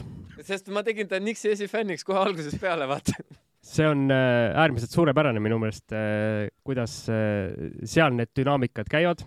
see on nagu natukene selline isa-poja suhe, et kohe näha, kes on papa. ja on kui Erki, Erki vaatab nagu küsivalt Hardole, Hardole korra otsa, et okei okay,, sa eelmine kord nii-öelda ei lubanud mul rääkida, kas ma nüüd tohin. selles mõttes, et see on nagu huumoriga, huumoriga natukene öeldud, onju, et. see, see ongi hea dünaamika. jah Need meeldivad ja Hendri on kuidagi selline hästi selline nii-öelda rahustav faktor ja. Hendri läheb poliitikasse varsti, mul on tunne. jah, kusjuures see on jumala hea point. Ta nagu räägib alati kõigest, aga samas lõpuks nagu mõtled, et ta ei räägi nagu millestki kurat, Jüri Ratas oh, väga hea võrdlus. ta ju justkui rääkis eetri täis, aga siis mõtled, et. oota, aga keda ta siis, keda, keda Henri siis meist nagu korrale kutsub nagu Jüri omal ajal EKRE-s? ei, ma lihtsalt. kedagi ei ole Jüri, ta, ta ju korrale kutsunud, lihtsalt viis pärast torti. ja sa pead vaatama, kelle ta tordi viib. ei diplomaatia, et te õhku ei lendaks. okei okay,, meie, meie, meie, meie Kissinger on leitud. et me paratamatult teie näete mind väljast, aga mina näen teid väljast ja siis ma vaatan, kui asi läheb väga rappa, siis ma teinekord viin teema mujal. aga, aga kokkuvõttes minu meelest äh, ülihea, et äh, hästi erinevad inimesed olid äh,, olid ees, mina ma ütlen ausalt, mina kuulasin helina, et äh, ma nagu videona ei vaata, ma olen see vanakooli mees, see Youtube, ülikeeruline keskkond, et äh, et nagu nii-öelda kuula mis asi see TikTok veel on? kuulame nagu helina, see on õige podcast et... oh, oh, mu telefonist jookseb video oh, midagi viltu ma olen, ma olen täpselt sama meelt. kuule, sul on see lapsed, pange kinni see. ma olen Siimu selles suhtes, et mutitelefon. millal sa, sa kuulad siis, kui nõiutud nagu vaadake, inimesed kõnnivad. üritad rääkida ja lihtsalt ei lasta, no mis no, asja? no nüüd ongi see, et ma pean küsiva pilguga vaatama, kas me saame jätkata. kas me saame Erkiga jätkata seda saadet? ühesõnaga, kus ma nüüd jäin ah,? ühesõnaga, isegi heliga tulevad kõik need dünaamikud ülihästi välja ja põhimõtteliselt eh, on eh, minu meelest Otto ja Ardo on sündinud nii-öelda performer'id või eh, esinejad, et ükskõik, mis formaat neile anda, siis. näita nibu. jaa siis ülihästi tuleb välja ja kuna need NBA tõmba, tõmba, tõmba flex ka peale. me saame pärast äh, järeltöötlus mingi roosad lilled panna sinna peale. me saame Youtube'is bänni, me saame demonetized. sina no, ei pea muretsema selle pärast, sa ei vaata seda niikuinii. tagasi sinna, et äh, õiged inimesed ikkagi kuulata sa saad igal ajal, vaadata sa igal ajal ei saa. me saame internetist bänni, siis on see AM raadiosagedus, kus meid äh, ei saa kuidagi eemaldada, ma arvan. kõik mingid gängstavideod oleks ära keelatud seal muidu, mingi Otto nibude pärast. ühesõnaga, sündinud esinejad ja kuna NBA teadmised on äh, ülimalt, ülimalt heal tasemel, siis, äh, minu meelest super kuulamine. nii, aga. Otto, jäid sa rahule selle kiitusega, mis tuli või?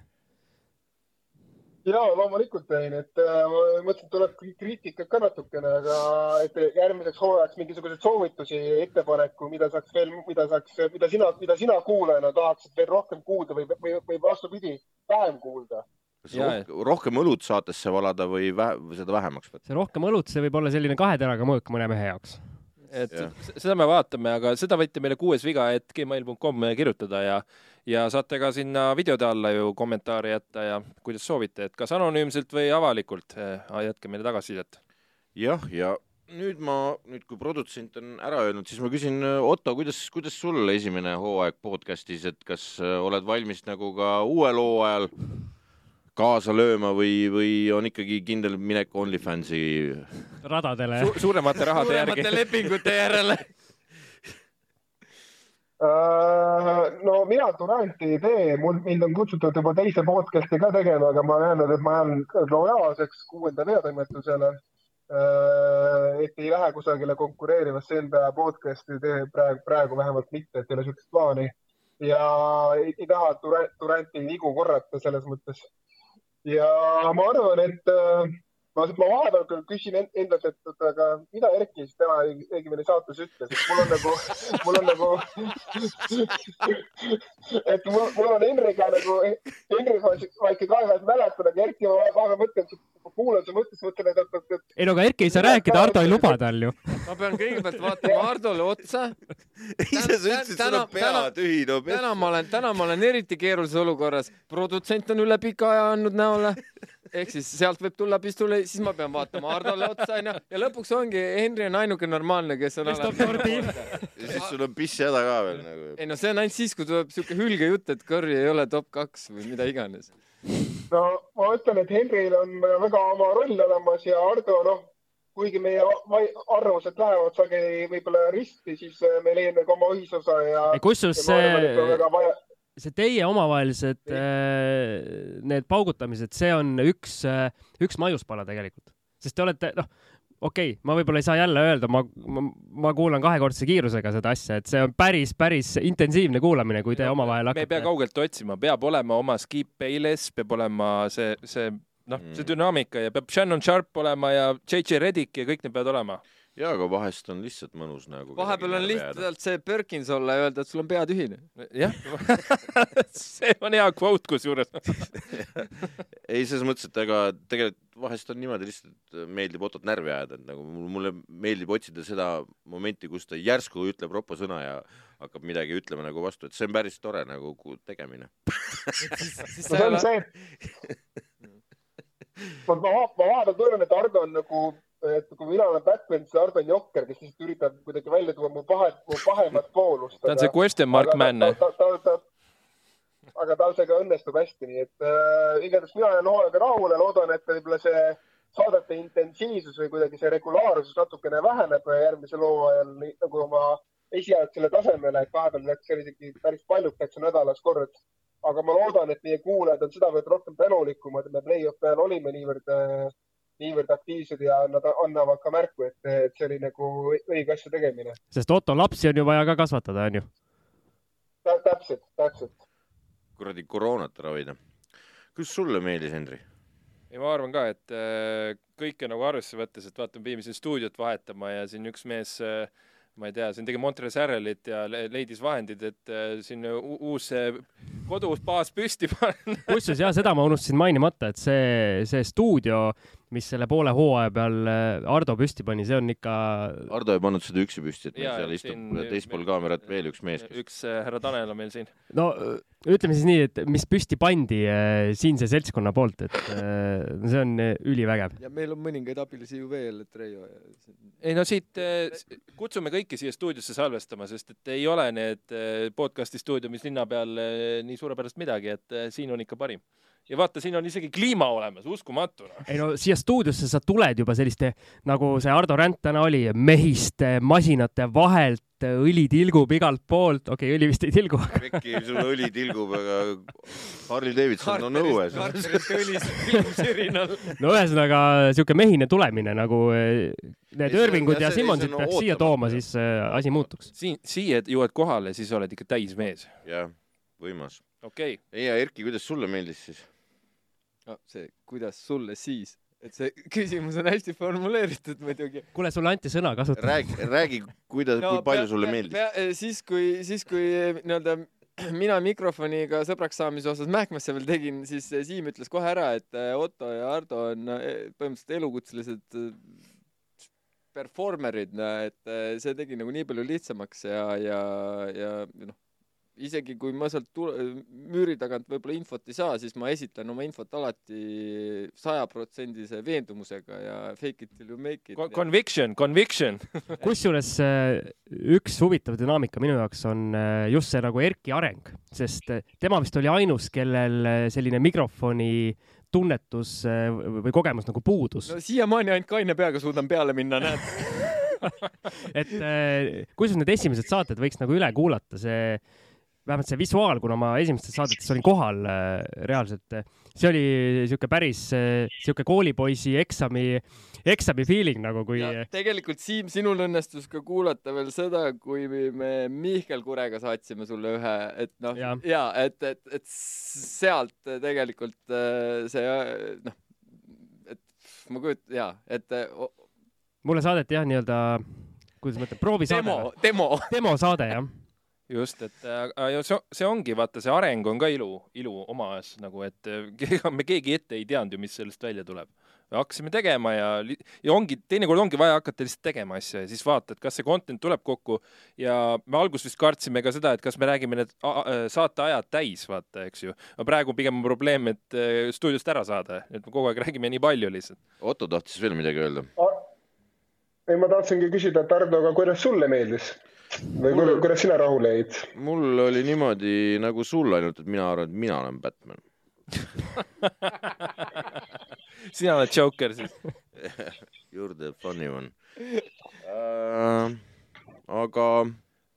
tõmbame selle hooaja. tõmbame selle hooajale joone alla. või vähemalt proovime. jah, et kui teil on soovitusi meile, et äh, tehke nii või, või et uh, tahate näiteks külalisi rohkem näha või ja soovitage ka keda. jah, siis kes... soovitage ka keda, sellepärast me saame siis nagu inimestega ühendust võtta. väike eeldus on see, et ta võiks olla, mingisugune profiil võiks olla, aga näiteks üllatav, et see inimene NBA-ga huviline on, näiteks niisugune võiks huvi, huvitav asi olla. no ta võiks jah midagi nagu teada, et no jälgib igapäevaselt, noh, et, et ja võib-olla, et teised inimesed ei tea seda, et see on niisugune huvitav asi, mida avada. jah, ja, ja, ja ja kindlasti kirjutage, mida teie arvate, kumb on siis Batman, kas äh, Otto või Ardo? no ma arvan, et Otto on ta pikem, vaata. Ottol on nibud eh, see oli, ei, kuule, kui sa nibu kui sa räägid sellest ainult iga ühe... kord, kui ütled, mees kohe teeb ka noh. ainult, ainult ühel Batmanil olid nibud ja see oli George Clooney oma, see, kus oli see Arnold Schwarzenegger ka sees, see oli ainuke Batman, kellel päriselt nibud olid. nii et tema on see liiga palju nibujuttu on liiga palju Batman'i juttu ka ühesõnaga, kui, kui me korvpallialaselt enam ei suuda nagu pädevat infot äh, kuulajatele ja vaatajatele edasi anda, siis vähemalt meil on nagu anatoomiliselt on kõik korras. aa, ja see ka, et äh, mis te arvate, et kas me peaks tegema selle filmisaate ära? Meil on ja, ja Winning Time ja, ja Winning Time'id, värgid, jutud, et neid korvpallifilme tuli nagu Vändrast saelaudu siin nüüd ja mul on Winning Time vaadatud, eh, Antetokounmpo, siis Sandler, noh, põhimõtteliselt on juba content'i küll ja veel. Ja, ja Winning Time'ist räägid mit-, päris pikalt, sest seal oli kümme osa ju. jah, et kas me, kas me peaks seda tegema ja, ja kas me võiks kedagi nagu kutsuda siis rääkima ka sellest asjast või ei, et selle kohta võite teada anda, et me võime teha selle lisasaate millalgi. Uh, ja üks äh, minu meelest äh, kindlasti on, äh, on kuulajaid, kes mõtleksid, et oh kurat, et ma teeks hoopis paremini ja mida te seal mulisete, et minu meelest võiks külalised ennast ka pakkuda näiteks saatesse, et kui sa arvad, et sa teed paremini seda ja, asja, tule ja räägi või, või sa arvad reaalselt midagi hoopis teistmoodi. kurat, see vist ei ole hea mõte, siis mu, minu koht kaob äkki ära ju. no võib-olla jah ei no see rot-, mingisugune me loodame selle peale seni, aga Erki, see on nagu NBA, sa pead võitlema oma rotatsiooni kohas. okei okay,, ma loodan, et ma olen siis Pokusevski jälle üks hea kvoot. ma loodan, et ma olen Pokuševski. sa oled ainus inimene peale tema ema vist, eh, kes eh, niimoodi mõt-, ei, ema ei mõtle. ma ei usu, et ema ka mõtleb, ma tahan kaelkirjak olla, et ma tahan olla kaelkirjak. ei, ma, te, ma teen põhi, ma teen põhiturniiri viimases mängus tripla ikkagi. see võib, ainuke, kes nii mõtleb, on nagu loomaaias ninasarvik, kes vaatab kõrvalpuuri ja mõtleb, et see vend näeb jumala kaugele, mis seal põõsa taga on siis nagu, et aga nagu okidoki tõmbame, tõmbame selle jama, asi läheb nagu käest ära ja oleme... jube palju. Sinna vaatame otse, vaatab Otto ka ja, ja lehvitame. ma arvan, et me kohtume suve jooksul veel, sest et Kevin Durant ju kuskile minema peab ja. Otto leiab, Otto leiab särgi ka endale. Otto, jah, keegi kuulaja võiks Ottole saata särgi anname talle selle Duranti särgi, et ta rohkemat pole väärt ilmselt hetkel selle nibu välgatuste peale äh,. podcasttrend.ee, korvpall24.ee Äh, selleks hooajaks lõpetavad. optibet.ee ah, ja kiire shout out, et korvpalligrupp sai neli tuhat inimest täis, nii et tänu Henrile, kes kõik NBA uudised korvpalligrupist kõik vahendan läbi, et alguses vihati mind, aga nüüd enam ei vitsita isegi midagi öelda. ma pean jah, sult mingi unsubscribe'i tegema, sest ma närvidel käima, kogu aeg Henri postitab midagi. aga äh, teie, teie subscribe ige, subscribe ige meie kanalile, et saaksite teada, millal me teeme mingisuguse saate. ja seniks toredat suve teile kõigile. tšau.